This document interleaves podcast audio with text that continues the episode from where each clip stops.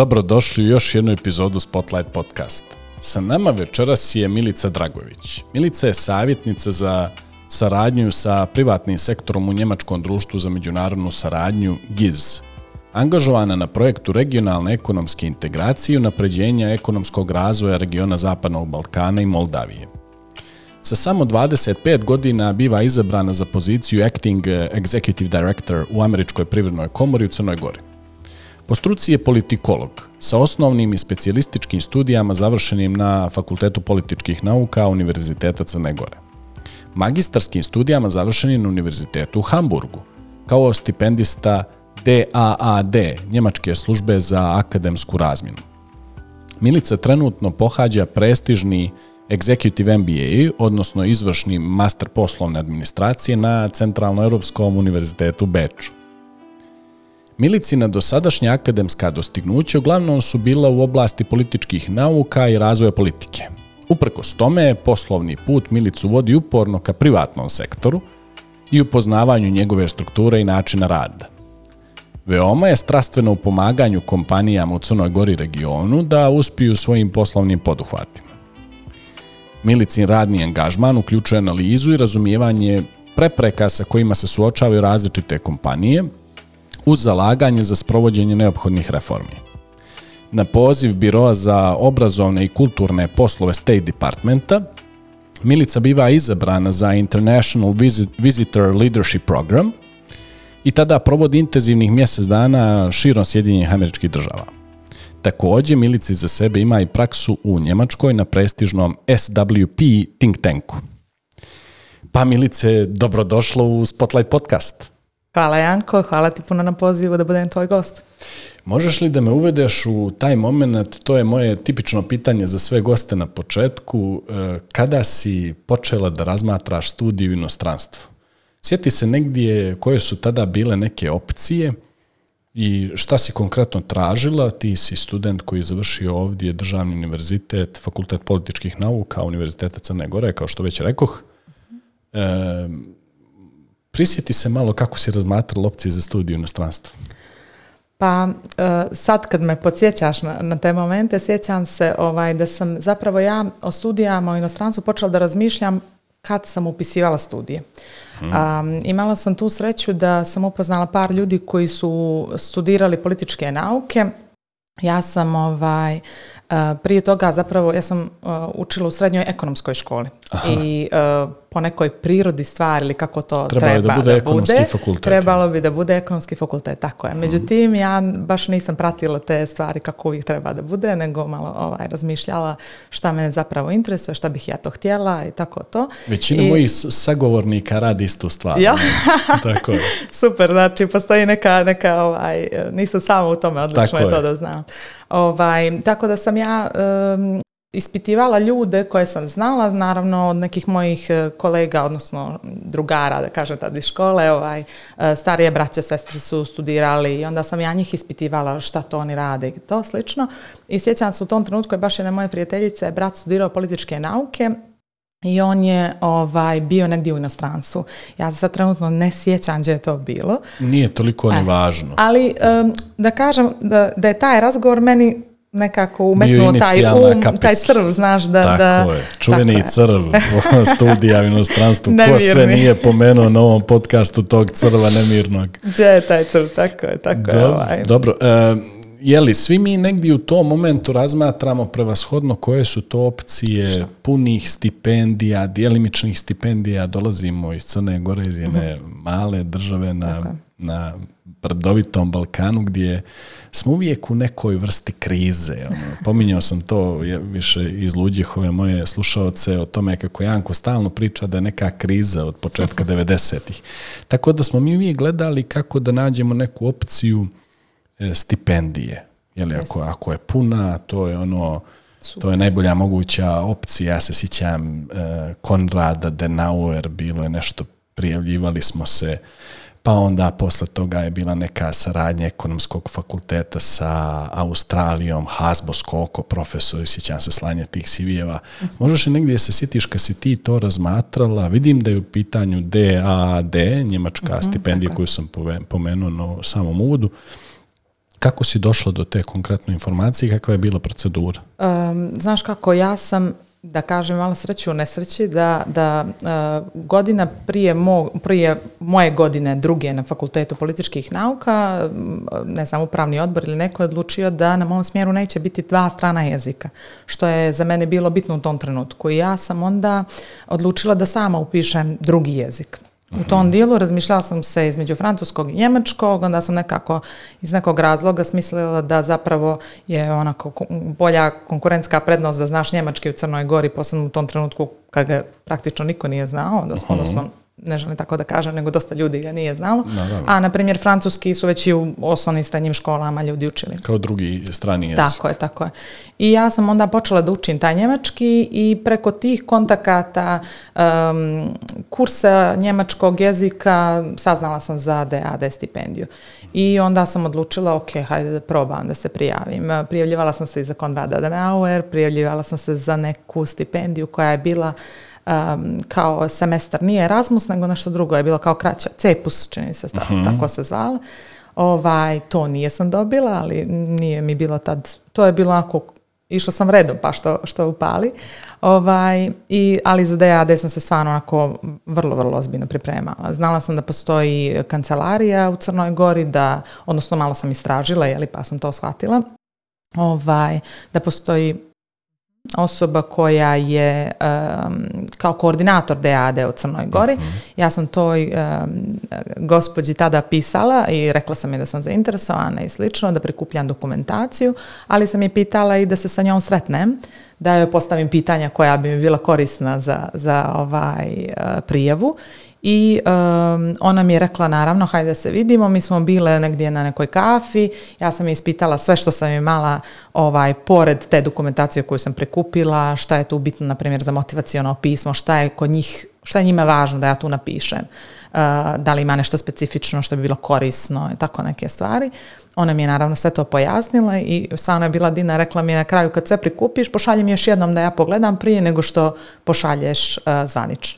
Tako da mi je ona pogledala ovaj, dokumentaciju prije nego što sam je zvanično poslala i, ovaj, i onda sam je predala i onda je išla dalje. Kako imamo tako jako fine ljude koji su koordinatori tih programa i uvijek izađu negdje izvan neke zone sobstvenog komfora i svoga radnog vremena i uvijek je dodatan korak da se mladim ljudima izađe u susret, da se odradi taj proofreading i editing, da ta Aplikacija bude maksimalno utegnuta i kada ona već ide sekretarijatu u Britaniji, u Njemačkoj, u Americi, da je pod konac sve. Tako je. E, puno hvala takvim ljudima i to i tvojoj ja koordinatorki. Nadam se da, da, će, da će slušati negdje ovu epizodu.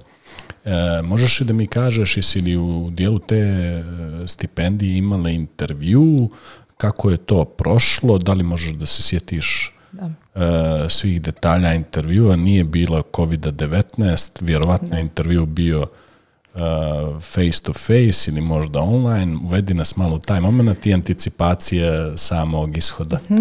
E, da me vraćaš u te slike ovaj, tih e, momenata. Da? To je moj posao.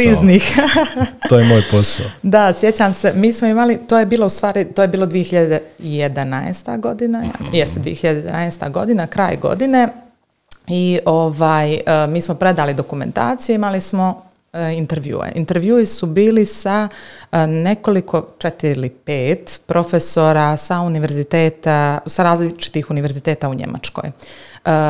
sama poenta te DAD stipendije jeste, a to sam ja kasnije saznala, jeli, da je to akademska razmjena, što znači da u samom tom intervju oni tebe procjenjuju, odnosno procjenjuju tvoje kapacitete, a ti s jutra se baviš akademijom. Znači ne samo da, da ti daju stipendiju za neku vrstu, ne znam, razmjene koja je drugačija, nego znači ti u tom dilu uh, e, posmatraju tvoju karijeru dugoročno, ne samo na tom masteru, nego da li ćeš ti imaš potencijala da možda pređeš neki PhD ili nešto slično. Zbog toga su profesori sa univerziteta bili ljudi koji su nas intervjuisali i bila je tu i ovaj kako ju pominjem.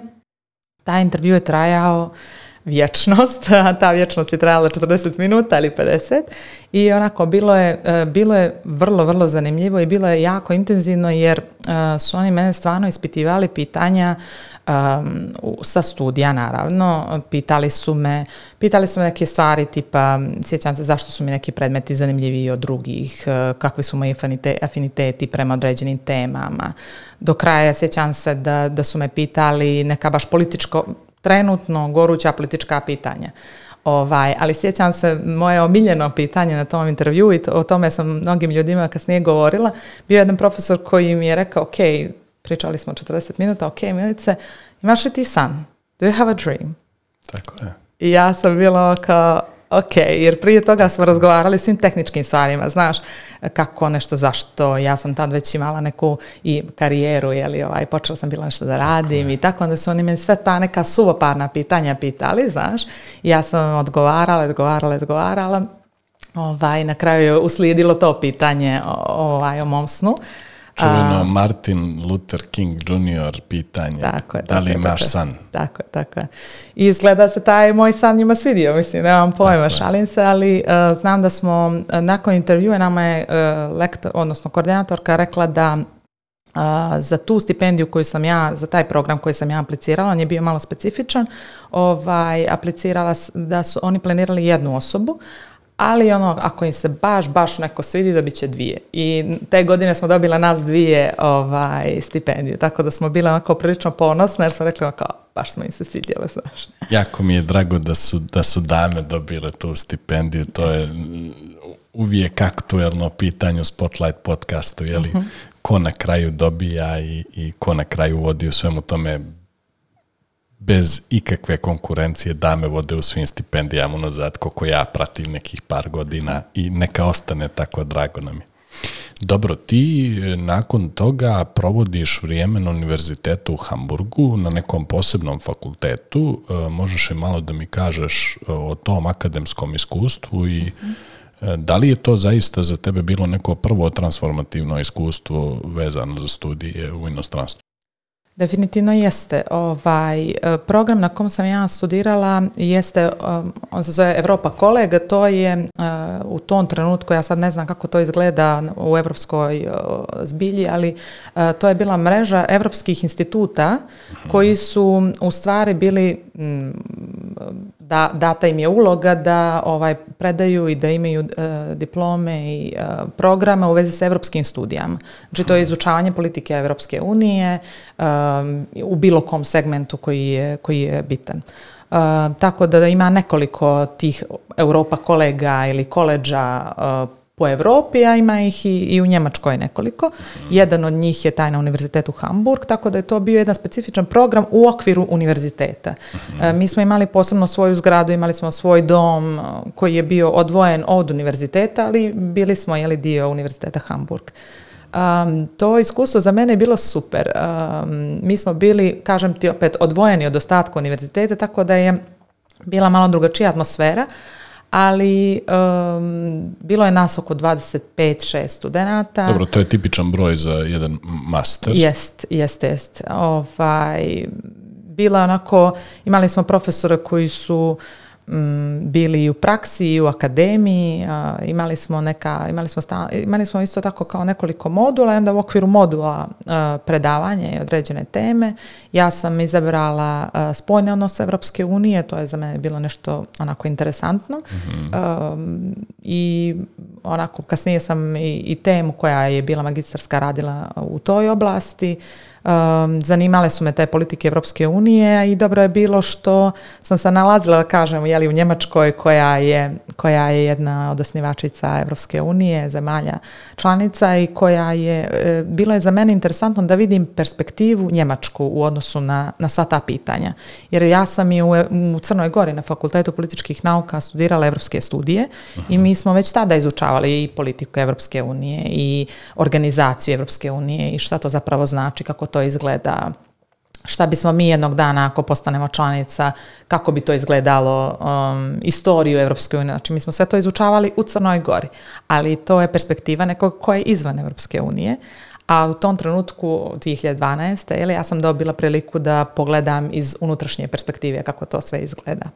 Um, pored toga, ne samo pored studija, sam i ovaj, malo putovala je li po Europskoj uniji i tako i onda sam imala priliku i da vidim te razlike između zemalja članica kako sve to izgleda kako jer na primjer u mojoj moje nekoj mom viđenju Europske unije prije tog trenutka ja sam mislila da je sve kao u Njemačkoj znaš da je Njemačka jedna od država članica ali su sve ostale po tom principu ovaj organizovane a zapravo razlike su, su baš velike, ali ovaj, bilo je zanimljivo vidjeti iz te perspektive. Što se tiče eh, profesorskog eh, osoblja i stafa, da li si imala neka zvučna imena, s obzirom da je Njemačka, to su ljudi koji su obično i profesionalno angažovani u tom polju, eh, da li si imala nekog, neko zvučno ime?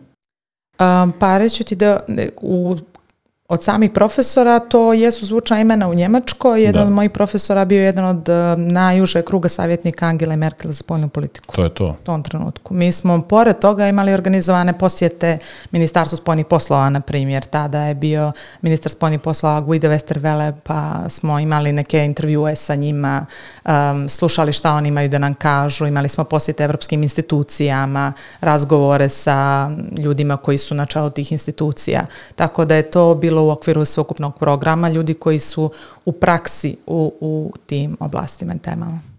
Sjajno, to je master koji je Master of Arts, trajao je godinu dana i ti nakon toga si se vratila u Crnu Goru.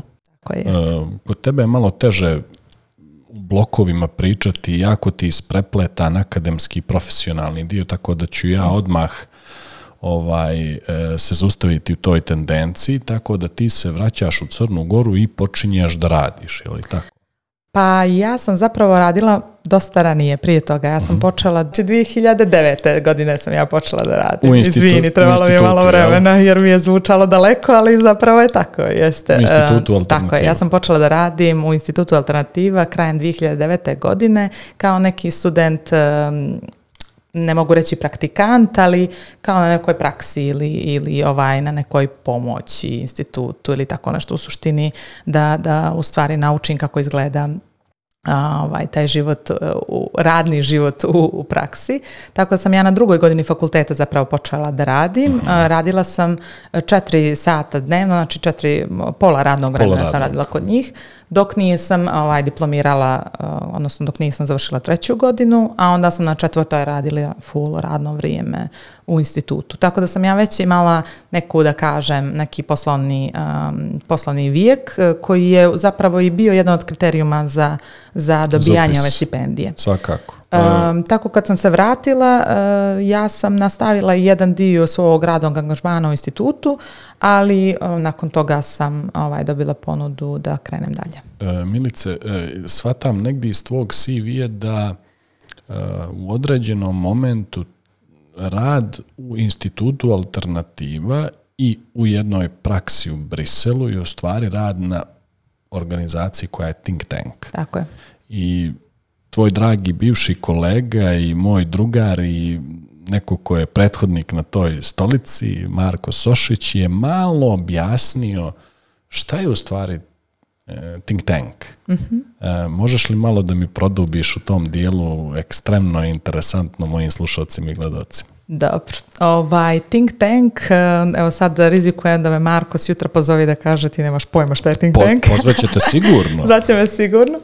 Ovaj, eh, think tank organizacije jesu jedna specifična vrsta organizacija, da kažem civilnog društva, kod nas su to uvijek nevladine organizacije jer eh, zakonodavstvo tako nalaže. Think tank jeste jedna organizacija koja je, ja bih rekla, onako jedna analitička razmišljajuća organizacija koja ehm, Um, analizira javne politike. U suštini javne politike kod nas imaju malo problem sa prevodom jeli, ovog polisija i politika, ali um, odnosno to su jeli, propisi podzakonska, zakonska akta ili bilo kakvi pripadajući propisi koji se analiziraju u smislu njihove efikasnosti, uticaja na, na svakodnevno funkcionisanje društva ja sam, kao što si rekao, i u Briselu radila za jedan think tank, to je jedan od najvećih europskih think tankova, jedan od najvećih njemačkih think tankova. SWP. Tako je, tako je. To je Njemačko društvo za međunarodne i bezbjednostne studije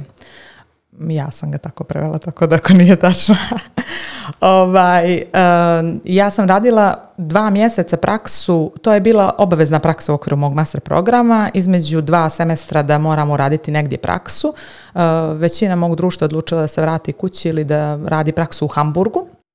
A ja sam ovaj, bila super ambiciozna pa sam htjela taj Brisel po svaku cijenu, na kraju sam ga dobila i bila sam kao, e, ups, šta sad? Zbog čega? Pa znaš kako, to je bilo moje prvo iskustvo dugoročnog života, dugoročnog, kako bih rekla, u Dobro, odvajanje, odvajanje od kuće, da. Jeste, ne samo odvajanje od kuće, ja sam dosta putovala i dosta sam uvijek bila nezavisna, ali e, u tom smislu da ti dolaziš sama u jedan, u jedan ogromni evropski grad u kom praktično ne znaš nikoga zbog toga što si ti to htjela ti si došla iz male Podgorice odnosno ja sam iz malog, još manjeg spuža i kažem se ovaj, e, gospođice dobro, znaš, kao, ti ćeš sad sama ovdje da živiš, znaš, što radiš, da, ono, kao, da li je ovo prevelik zalogaj? Ovaj, ali tu je ovaj, jedna super anegdota jer ja sam, e, sjećam se baš prvog dana kad sam stigla u Brisel, kad sam se smjestila u svoju sobu, u svoju kuću, ja mene je uhvatila ta panika, ono kao, o bože, mm, znaš kao, je li ovo bilo previše?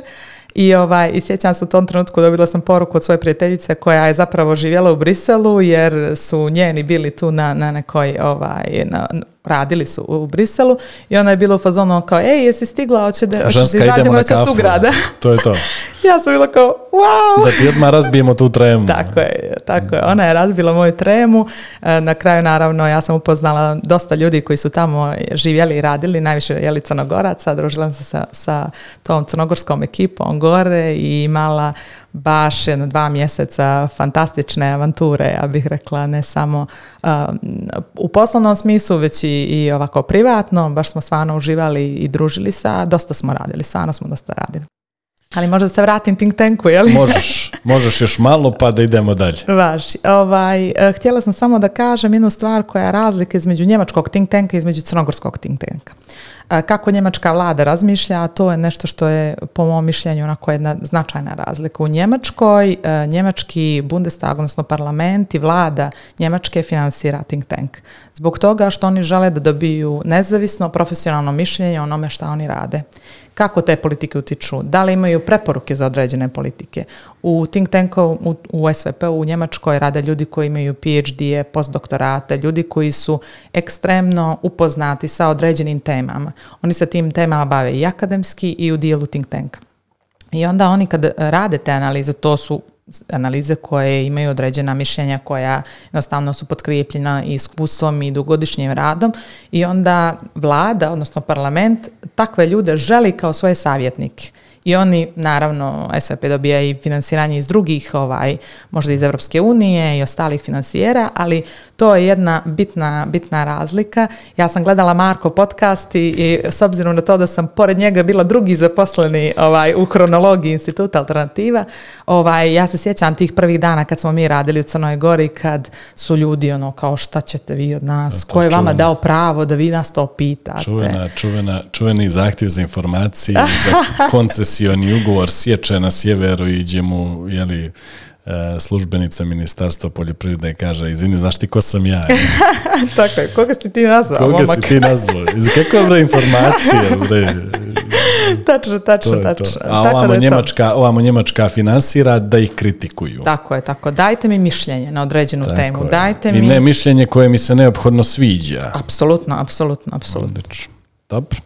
E, reci mi, kad, šta se dalje dešava u ovom kris krosu profesionalnog i akademskog, da ja ne bih previše pogriješio, kad se pojavljuje Američka privredna komora, mhm. e, nadam se da je to neki logičan slijed događaja.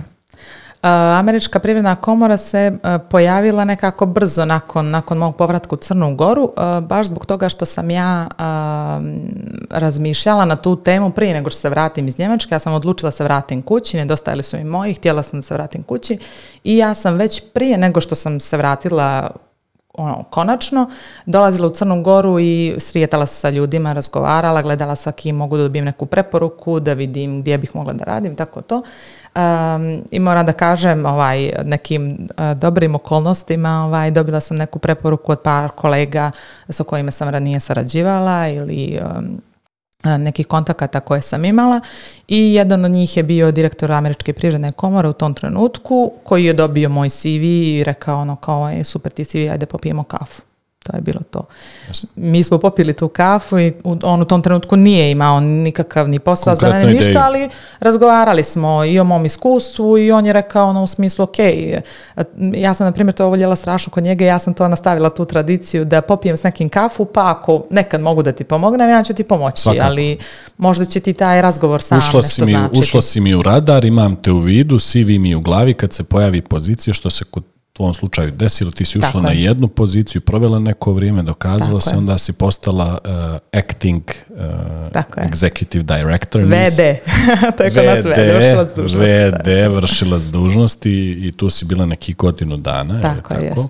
Sa mm, jedva navršenih 25 godina. Tako je, tako je. Možeš i malo da mi daš tog nekog iskustva. Moram da ti kažem da eh, američka privredna komora u Crnoj Gori je ona nekako funkcioniše pod blagim e, velom tajne za sve one e, koji su van okolnosti. Ono, mhm. E, kakva bre američka privredna komora u Crnoj Gori, pa šta ti ljudi rade? Ovaj, možeš i malo da nas... Ništa, mi nismo ništa radili. Možeš i malo da nas uputiš u neku svoju svakodnevnicu tada, šta je mhm. bio, jeli, taj tvoj core activity ili, ili mhm. srž onoga čime si se bavila u radnom danu, koliko je u stvari tih američkih investitora u Crnoj Gori i, e, E, kakve su e, te male boginje koje oni ovdje proživljavaju? male ili velike? Dobro, to, to je već pitanje za, oni da me To je već pitanje za tebe.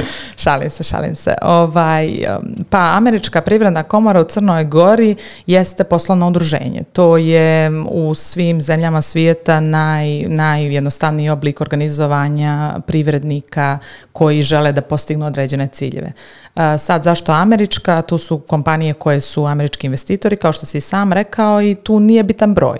Ne znači da li je to jedna kompanija ili njih sto jedna, bitne su teme baš ove male ili velike boginje koje su njima bitne. Sada li je to jedna kompanija, može biti ne znam Microsoft ili Philip Morris i oni imaju određene probleme i njima treba određena pomoć. Tako da, da je to uloga Američke privredne komore. Ne samo da, da e, tim kompanijama pomažu tim e, problemima koje imaju u poslovanju, već je tu pitanje i uh, networkinga, saradnje, upoznavanje te poslovne zajednice, odnosa sa vladom, sa donosiocima odluka. I ja sam tu imala baš ulogu policy menadžera, kao što mhm. sam rekla, javne politike. Jeli? Moja uloga je bila da se ponovo u Američkoj privrednoj komori bavim Eh, javnim politikama. Hm, mi znamo ono što se uvijek dešava je da tu postoji ona godišnja konferencija gdje se mhm. eh, pojave diplomatsko-konzularni predstavnici i eh, svi ključni privredni akteri što domaći što strani i tu budu i, neke nagrade i tako dalje i tako mhm. dalje. Dobro, pošto se mi približavamo ovoj prvoj pauzi, ostavit ćemo malo za, za, drugu, za drugi dio priču o konkretno Američkoj privrednoj komori i naravno neizbježnu priču vezano za Executive MBA u Centralnom Europskom univerzitetu i u stipendiji State Department. Može, može. Vidimo se na kratke pauze.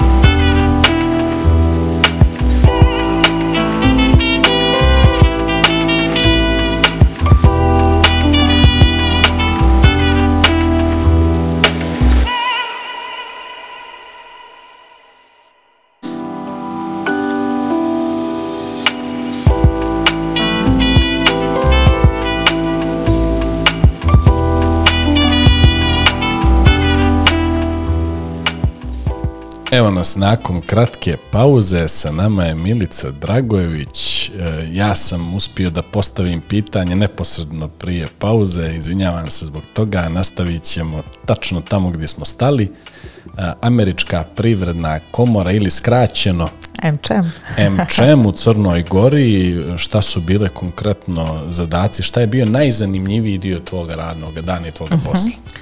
Pa e, taj najzanimljiviji dio ja bih podijelila na dva dijela. Jedan dio je baš bavljanje javnim politikama i neke stvari koje sam ja stvarno naučila u tom periodu jer sam se bavila nekoliko tema su bile moj fokus e, od radnog zakonodavstva u Crnoj Gori, od zakona o planiranju prostora u Crnoj Gori, od... E, never ending story. Absolutno, mm, apsolutno, svaki od tih zakona, tako nije samo ovaj planiranje prostora. Onda sam se bavila i pitanjima zdravstva zdravstva u Crnoj Gori I, i super je kad ti imaš priliku da sagledaš sve te e, propise, da nešto iz njih naučiš, da e, vidiš kako stvari funkcionišu i kako taj, e, to je nešto što, sam ja obožavala u MČM-u.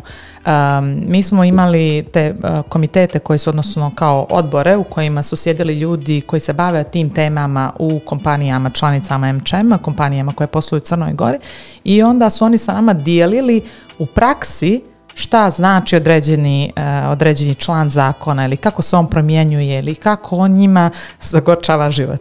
I to je onako zanimljivo zbog toga što, za mene makar jer čini mi se da onako kad čitaš zakon, tebi to djeluje i logično i zanimljivo i onako progresivno možda čak, a onda ti dođe jedna kompanija koja ti kaže e, ja ne mogu tri dana da rišim ovo pitanje sa svojim zaposlenima ili u nečemu drugom zbog toga što ovo nije jasno, nije koncipirano tako i tako.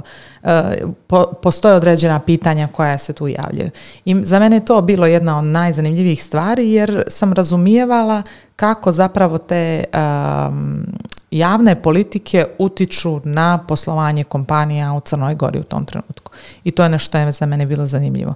Drugi dio jeste ovaj koji um, je za mene bio onako baš, baš uh, zanimljiv u MČM-u jeste saradnja sa ljudima koji su bili na senior level pozicijama u uh, kompanijama, multinacionalnim najviše kompanijama u Crnoj Gori i mnoštvo, mnoštvo informacija i znanja koji su ti ljudi na mene prenijeli što sam ja uživala u svakodnevnim razgovorima sa njima na, na razne teme i na teme poslovanja njihovih kompanija, ali i njihovog pristupa kao menadžera sa svojim zaposlenima, sa svojim timovima, izazova koje oni imaju kao odrasli ljudi u svojoj ulozi menadžera u tim firmama, tako da je za mene to bio ovaj, moj prvi MBA, ja bih rekla. Ovaj, Zasigurno.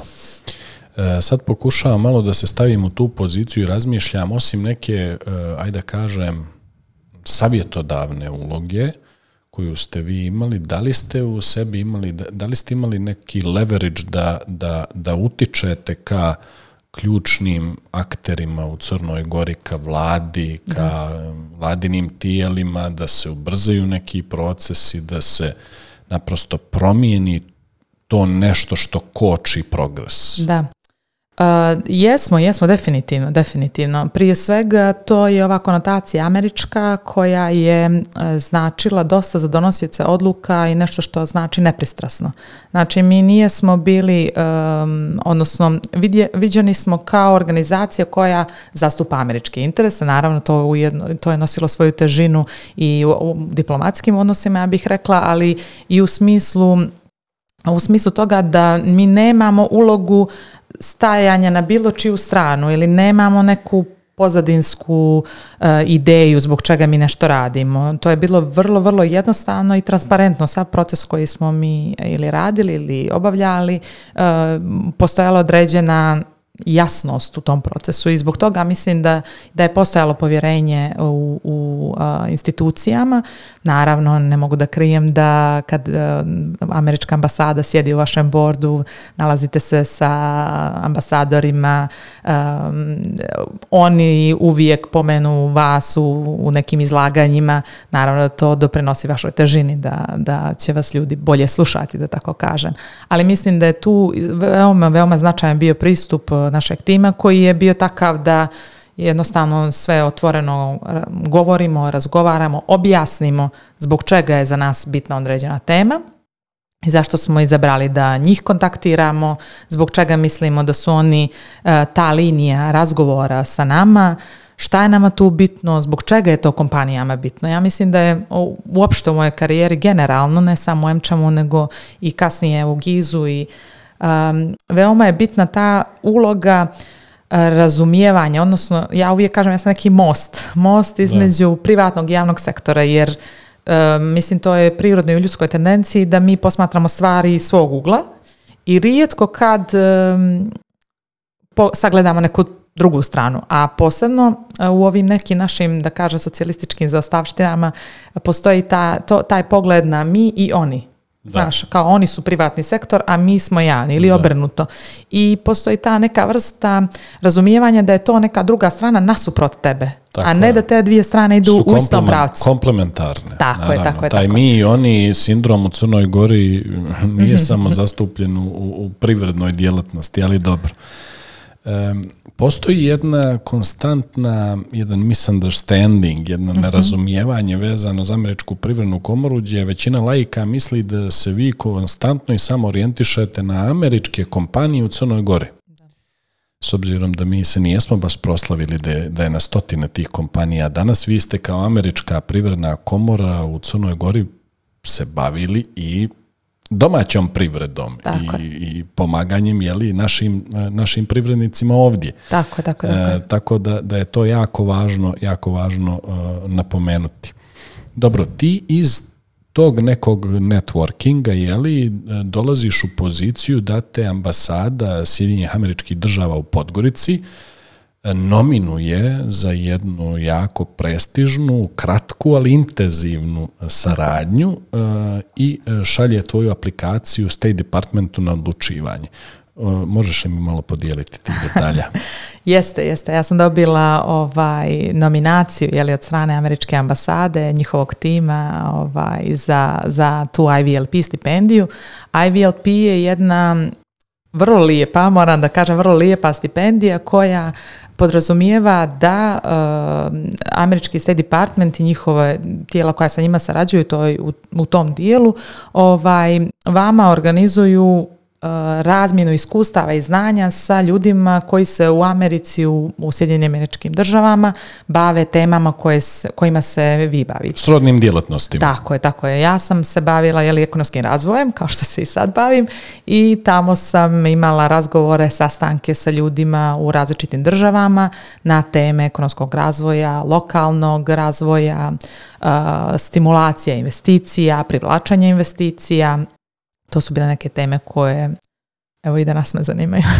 znači to je nekih 4-5 e, nedelja, ti si putovala onako na dugo i na široko po Americi, Jest. si par država. Pet ili šest, tako je. Pet ili šest. Tako. Sjajno.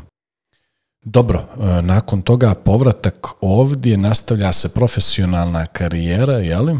Tako je, jest. E, Možeš li, mi, možeš, li mi, možeš li me uvesti e, u, to šta se dalje dešava, kad je postao e, Giz aktuelan, znamo mhm. da je Giz e, u Crnoj Gori prisutan već jako dugo, dobro preko deceniju, onako koliko ja laički mogu da registrujem i ovaj, ti si opet tu ušla na jednoj pozicije, danas radiš značajnu naprijeđenu poziciju, možeš malo da me nas upoznaš sa tim šta je GIZ u Crnoj Gori, čime se on bavi, u koliko zemalja funkcioniše, šta su ključni jeli, misije, vizije, ciljevi i tako dalje. Aha, dobro. Ovaj, GIZ u Crnoj Gori, odnosno globalno, GIZ je njemačka agencija za saradnju, da kažem, oni tako to nazivaju, u suštini ovaj, za razvoj.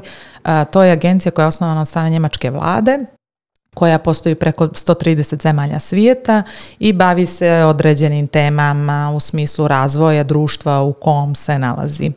Eh, ja se u Gizu bavim eh, spoljnom trgovinom, odnosno trgovinskim odnosima zemalja regiona, tako da se i dalje bavim ovom temom ekonomskog razvoja, ali eh, u Gizu se bavim na regionalnom nivou. To je bila za mene jedna interesantna stepenica gore, da tako kažem, mhm. iz zemčema gdje sam se bavila isključivo crnogorskim zakonodavstvom, crnogorskom zbiljom, jeli, ekonomskom zbiljom, u Gizu se otvorila ta prilika da im je potreban neko koji će se baviti tim temama na regionalnom nivou.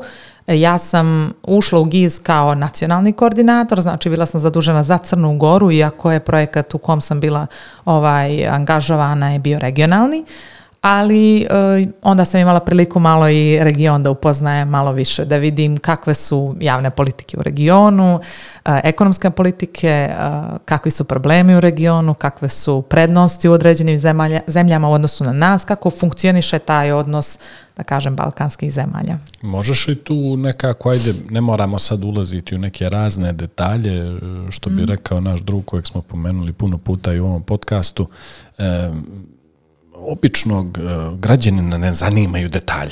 Ja čim uđem u detalje, on prebaci e, kanal. E, njega detalji isključivo zanimaju u momentu kada je li je on u situaciji da se sistem nešto griješi o njega. Tako da ne moramo neophodno da ulazim u detalj, ali možeš i da mi napraviš neku paralelu između toga što si je li kroz tu regionalnu saradnju imala kao uvid i one situacije koju si e, e, doživljavala u Crnoj Gori i kako se te dvije situacije, gde, gdje se oni poklapaju, a gdje bi eventualno ti e, iz te perspektive mogla da vidiš ogroman e, prostor za unapređenje kada je u pitanju Crna Gora. Razumijem da postavljam teška pitanja, moraš da, moraš da znaš da Spotlight podcast nerijetko postavi takva pitanja.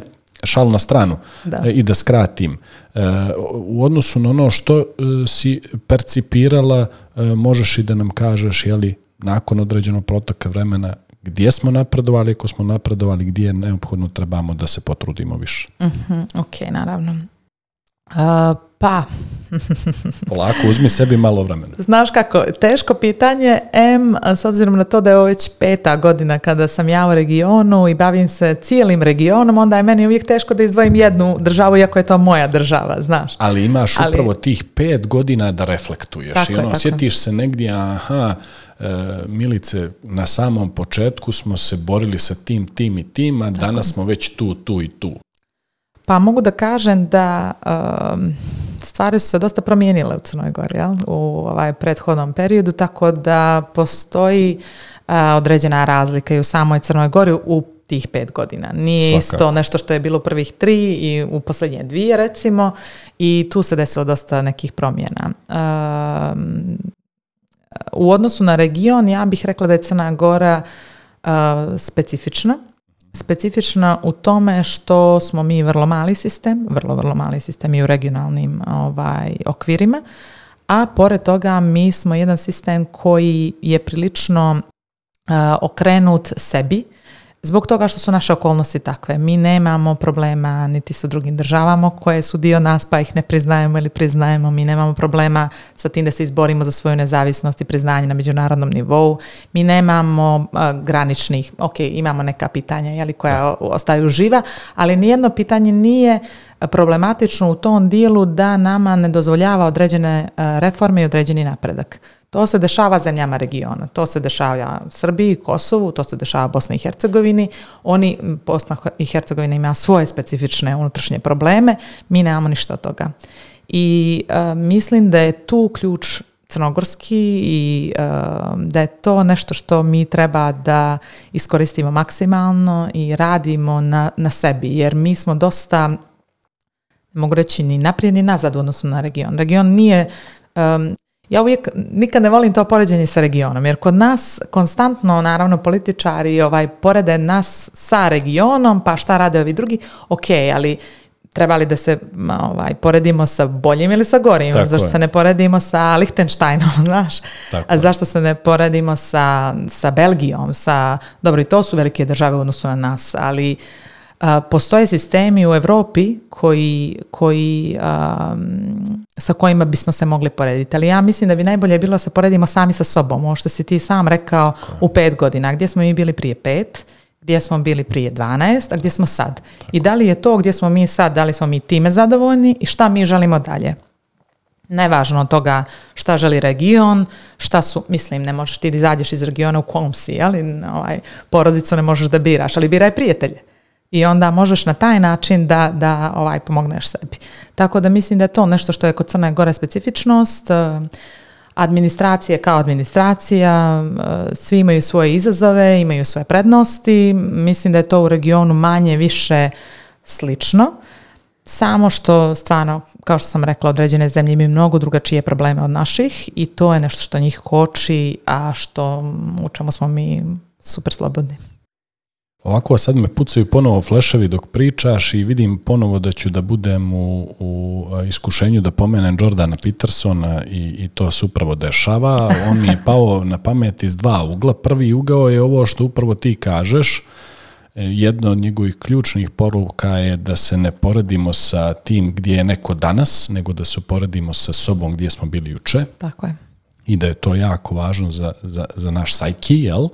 Tako je a drugo i to neka bude lijepa tranzicija na ono što želim dalje da te pitam i opet ću potrebiti analogiju Jordana Petersona je kroz jedno predavanje ga je jedna djevojka na samom kraju tog predavanja onako baš žacnula sa jednim ozbiljnim pitanjem i on je stao i rekao je ovaj e, nemam dobar odgovor na to pitanje mhm. nemam odgovor koji će mene zadovoljiti da vama kažem da sam ga dao i da vi možete da ga ponesete kući.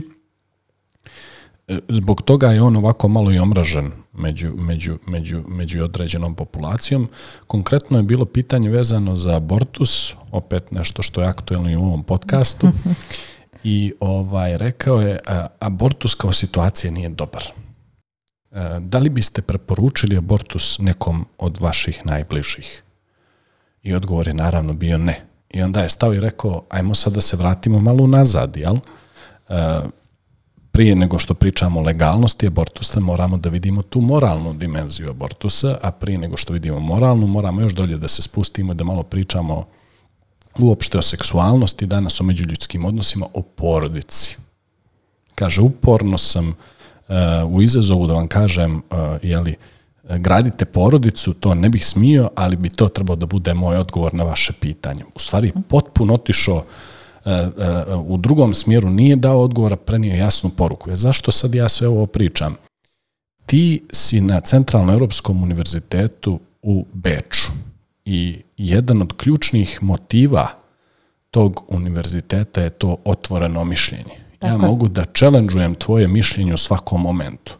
I to što ti misliš i ono što društvo misli, ne znači da to je neophodno taj aksiom koji je, je eh, u kamenu utkan. Eh, tako da možeš li malo da me uvedeš u priču Europskog univerziteta, zbog čega mhm. baš on, eh, ko je taj čuveni vlasnik tog univerziteta i da li, da li ste vi svi koji dolazite iz tog univerziteta na neki način Ludi. E, e, žigosani. Žigosani. I u regionu, i u ovoj državi, i uopšte. Šalim se, ovaj, ne, ja ne mislim da smo mi žigosani, daleko od toga. I mislim da, ali mislim da nismo žigosani zbog toga što društvo baš nije shvatilo što mi to tamo radimo. Upravo zato i ovaj moj, e, ovaj moj e, e, petominutni. Jeste. Ovo što si rekao u smislu otvorenog društva, izazivanja ili čalenđovanja ili kako god određenih razmišljanja, mislim da je vlasnik ili osnivač univerziteta George Soros vrlo, vrlo pravilno, izvinjavam se, pravilno razmišljao kada je odlučio da u postsocijalističkim društvima osnoje takav univerzitet dolazeći iz jednog takvog društva mogu da kažem da znaš i sam vjerovatno kod nas je dosta onako ali tako su me uvijek učili pa tako kažu pa oni misle da tako treba to uvijek postoji neka, neka, neka sredina koja nešto misli i mi moramo da se uskladimo sa tim jer to su očekivanja sredine tako treba, tako je rečeno tako su me uvijek učili ja sam tako kako se kaže, podignuta, jel? Ovaj, odgojena. Um, I Centralno Europski univerzitet, odnosno otvoreno društvo, to je filozof Karl Popperus zapravo ovaj, definisao, jeste baš izazivanje toga. Uh, znaš, moja, moji preci su mi rekli tako, moji roditelji su mi rekli tako, moj profesor na univerzitetu mi je rekao tako. Pa je li tako ili nije? Možda nije, možda jeste, možda je na nekoj drugoj. Daj da, da malo razmislimo o, svojim postupcima i o svojim mišljenjima. Da li je moje mišljenje uvijek ispravno? Mm, nužno nije.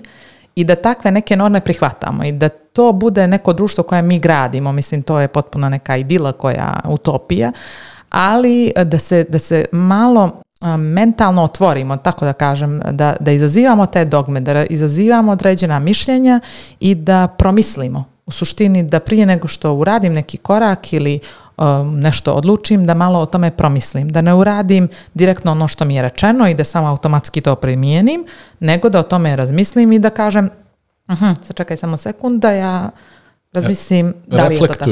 da li je to to. Tako je, tako je. Tako jako mi je bitno da pričamo malo o toj filozofiji Može, otvorenog društva. o filozofiji otvorenog društva, jer ja imam dilemu kao dijete koje je odraslo 90-ih u Nikšiću i danas neko kaže ti Soroševci. Ja se pitan zbog čega je to stereotip za neophodno loše. Jer ja prvi put kad sam se sjetio za ime uh, e, jeli, fondacije Soroš i Đorđa Soroša, e, je bilo preko jedne male komune, jedne male zajednice koja se zvala Fortuna u Đure Sala je broj 5 e, gdje smo mi E, dolazili ili crtali, gdje smo se igrali, gdje smo imali neke radionice, učili se društvenim igrama. I mene samo najljepše moguće uspomene vezuju za taj period i za to ime. I onda sam konstantno u nekom razmišljanju zbog čega je taj e, e, toliki negativni imidž mhm. kad, kad pričam o tim nekim stvarima. Pa znaš kako, ljudi koji misle nijesu ljudi kojima je lako ne mogu reći samo upravljati, nego lako, lako, lako raditi sa njima, da tako, da budem, hoću da budem ovaj, diplomatski nastrojena, da baš ne koristim neke riječi, dobro, ali eh, hoću da kažem, ljudi koji misle su ljudi koji, sa kojima nije lako razgovarati. Jer kod nas, makar ti imaš na nekom ličnom nivou, pa imaš neki određeni ego koji zaustavlja ljude i ne dozvoljava im da, da prime drugo mišljenje. Ću reći, mm alo, alo, znaš ti, ko sam ja, upravo ona gospođa iz Ministarstva poljoprivrede. Ja radim 20 godina. Tako je, ko si ti da mene ne izazivaš i da, da pitaš da li sam ja u pravu? Naravno da sam ja u pravu. Imam pitanje. E, ti si već u nekom momentu prošla svu tu akademiju po redu. I onda je bilo nekih deseta godina profesionalno i ti umjesto da ideš iz e, Master of Arts na nešto što je PhD, ti ipak odlučuješ da ideš na Executive MBA program, Tako. modularni program, izuzetno intenzivan i odabiraš tu instituciju. Mislim da više nikome nije, ovaj, nema dilemu zbog čega si odebrala univerzitet koji si odebrala, ali možeš i da mi kažeš zbog čega konkretno uh, Executive MBA, i, i šta si dobila tim modularnim pristupom? Pa ovako, ja sam, kad sam završila svoje studije u Hamburgu, ja sam tad sebi rekla, ja više nikad neću studirati. ja sam umorna, ovo je puno, meni je ovo naporno, ovo je bilo to, to je to. I ja sam jeli počela da radim. nije sam htjela i tada me dosta ljudi pitalo kao zašto ne nastavljaš PhD, zbog čega to, to je nekako, ljudi mene vide u tom, u tom svijetlu, vidim ja sebe, ali u nekoj perspektivi. I ja sam tada mislila da, a i danas držim do tog mišljenja, da je bitno da imam iskustvo. Ja sam željela da, baš ovo što sam ti rekla u MČM-u, da sam imala priliku da vidim šta to znači u praksi. Iz prve ruke. Kako to izgleda u životu, šta je to što ja, čime se ja bavim, znaš. Da nije to samo u nekim propisima, u nekim riječima, u nekim knjigama, u nekom dopisu koji ja pišem i o njemu razmišljam, već kako to stvarno izgleda u praksi. Na, koga to utiče, da li sam ja nekome pomogla. Tu je ta moja neka ne mogu reći obsesija, ali želja i strast da, da pomognem u tom dijelu. E, ekonomski razvoj je jedna tema koja, u kojoj ja želim da doprinesem e, da se stvarno nešto razvije, da, da unaprijedimo stvari, da želim da dam taj svoj neki pečat svemu tome. I mislim da je kroz praksu značajnije i osjetljivije, opipljivije u stvari. Kako to Executive MBA e, daje? Executive MBA mi to daje u smislu da to se nekako nastavlja na ovu moju, moju e, strast e, rada sa kompanijama, sa privatnim ovaj, kompanijama iz razloga što sam ja u Executive MBA-u e, razumjela bolje kako one funkcionišu.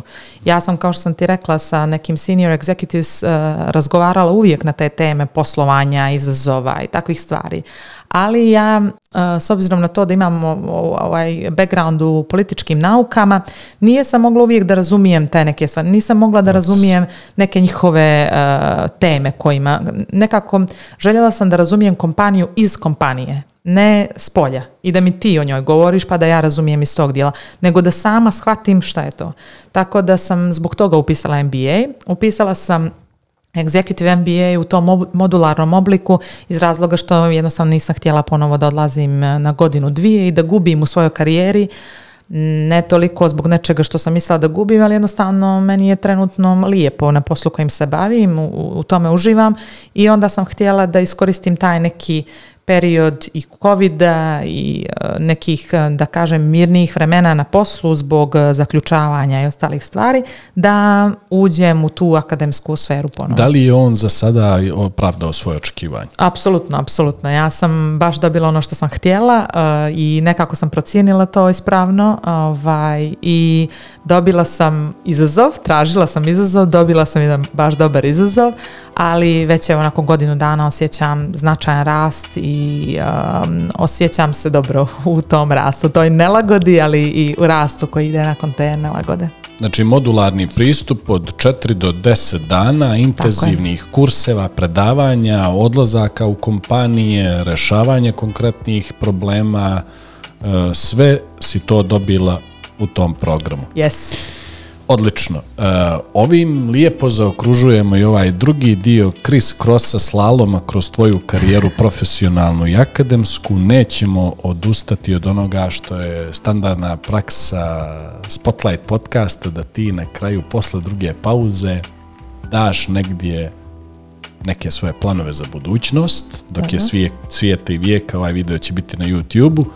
YouTube-a, tako da tu da procijenit ćeš li konzervativnu ili progresivnu metodu, planiranje i naravno najbitnija stvar je poruka za naše mlade gledalce i slušalce. Vidimo se nakon kratke pauze.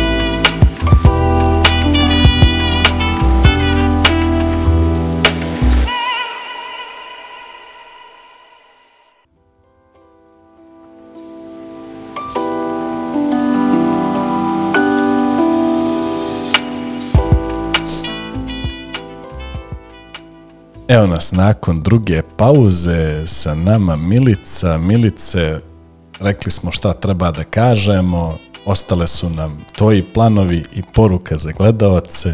Izvoli. Hvala ti.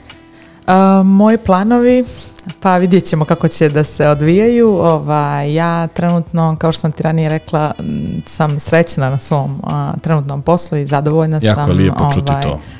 Pa mislim... Želje da tako i ostane. Želja je da taj e, kontinuitet postoji. E, naravno da razmišljamo o daljem jeli, razvoju svoje, svojih kapaciteta i o svojim mogućnostima. E, vidjet ćemo kada, će se to desiti, ali neko moje dalje razmišljanje jeste da ovaj, je naredni korak moj baš taj privatni sektor, Nekako se oko njega kružim ovaj, svoju karijeru i gledam, osmatram, slušam, vidim, ali ajde da uskočim pa da sama probam, znaš. Tako da je vjerovatno to neki izazov koji, koji stoji predamno.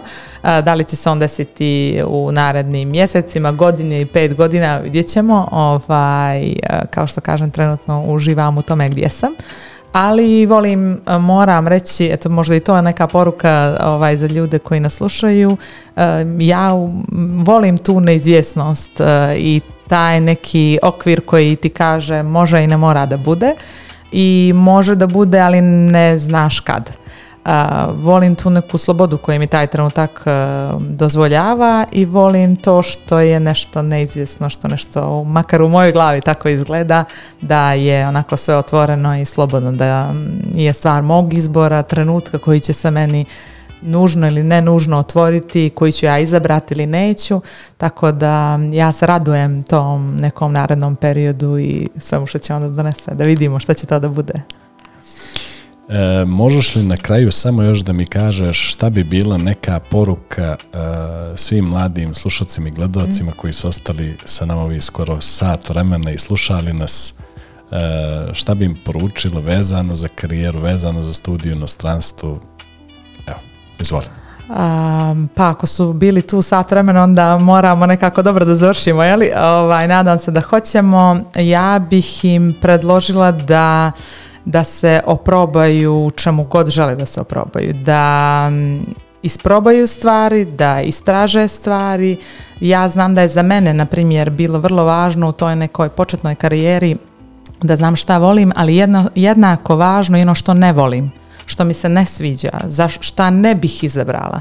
Mislim da je to bitno u toj nekoj izgradnji i karijere i ličnosti i nekih eh, afiniteta u životu da znaš šta želiš i šta ne želiš, ali da probaš i da kažeš sebi ops, nije mi se svidjelo, idem negdje drugo. Mislim da te stvari nije ovaj, eh, ne treba ih se plašiti, treba biti odvažan, eh, treba mm, čak nekad i osjetiti neki bol, u smislu možda loših izbora, možda nečega što ti je nelagode. baš ovo što sam pominjala, ja sam trenutno u toj pozitivnoj nelagodi koja te onako overpolji da, da se izguraš, ali nekad postoji negativna nelagoda koja te pritiska, koja ti oduzima energiju i koja ti stvarno mnogo, mnogo teže pada u životu, ali i ona je neka lekcija i mislim da je dobro i nju proći i sa njom se izboriti i onda nakon toga pogledati sebi reći ok, nije ovo bilo loše, preživio sam, preživjela sam, idem dalje. Tako da ovo što sam rekla, skakanje direktno u vodu, isprobavanje stvari eh, je nešto što posebno u, u mladim godinama studija, slobode, možemo da radimo kad god i mislim da tu nema prepreka, tako da to je neka moja poruka, isprobajte sve što želite da isprobate. Puno ti hvala na ovom gostovanju. Hvala tebi. Puno ti hvala na izdvojenom vremenu. Stalno kažu, ja govorim svim mojim gostima da su zauzeti i tekako jesu zauzeti. Ja znam kakav je tvoj radni dan, mogu samo da pretpostavim. E, u nadi da ćeš e, da će i dalje Spotlight podcast biti negdje na vrhu prioriteta kad treba da se kaže je e, šta je neka nova studija, šta je neki novi plan, koja je to nova pozicija ili eventualno e, PhD. E, puno ti hvala na gostovanju. Hvala tebi puno što si me zvao, ovo je bilo jedno super iskustvo, tako da bit će mi drago da ako ovo bude nekome korisno, da nešto nauči i da sazna nešto novo. 100% će biti korisno. Nadam se.